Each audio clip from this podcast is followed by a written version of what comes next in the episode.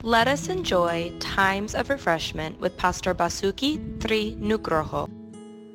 Shalom, 1 Petrus 2 ayat 24 Ia sendiri telah memikul dosa kita di dalam tubuhnya di kayu salib supaya kita yang telah mati terhadap dosa hidup untuk kebenaran. Oleh bilur-bilurnya kamu telah sembuh ada orang yang berkata bahwa dia bosan melakukan pelayanan ini dan orang lain bosan melakukan itu. Orang yang lain lagi mengaku bosan melakukan kegiatan tertentu. Ya, bisa saja untuk sementara waktu seseorang mengalami kebosanan karena berbagai hal.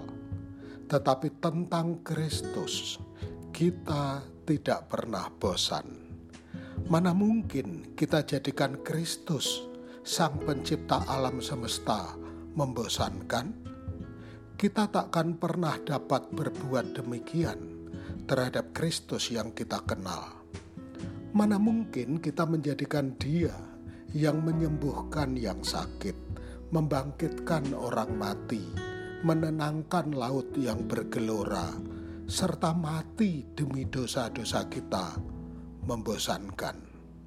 Itulah sebabnya, sesaat kita bisa saja mengalami kebosanan dalam kegiatan rohani, tetapi kekaguman kita akan Kristus menguatkan kita untuk kembali melayani Tuhan kita dengan penuh kasih dan hormat.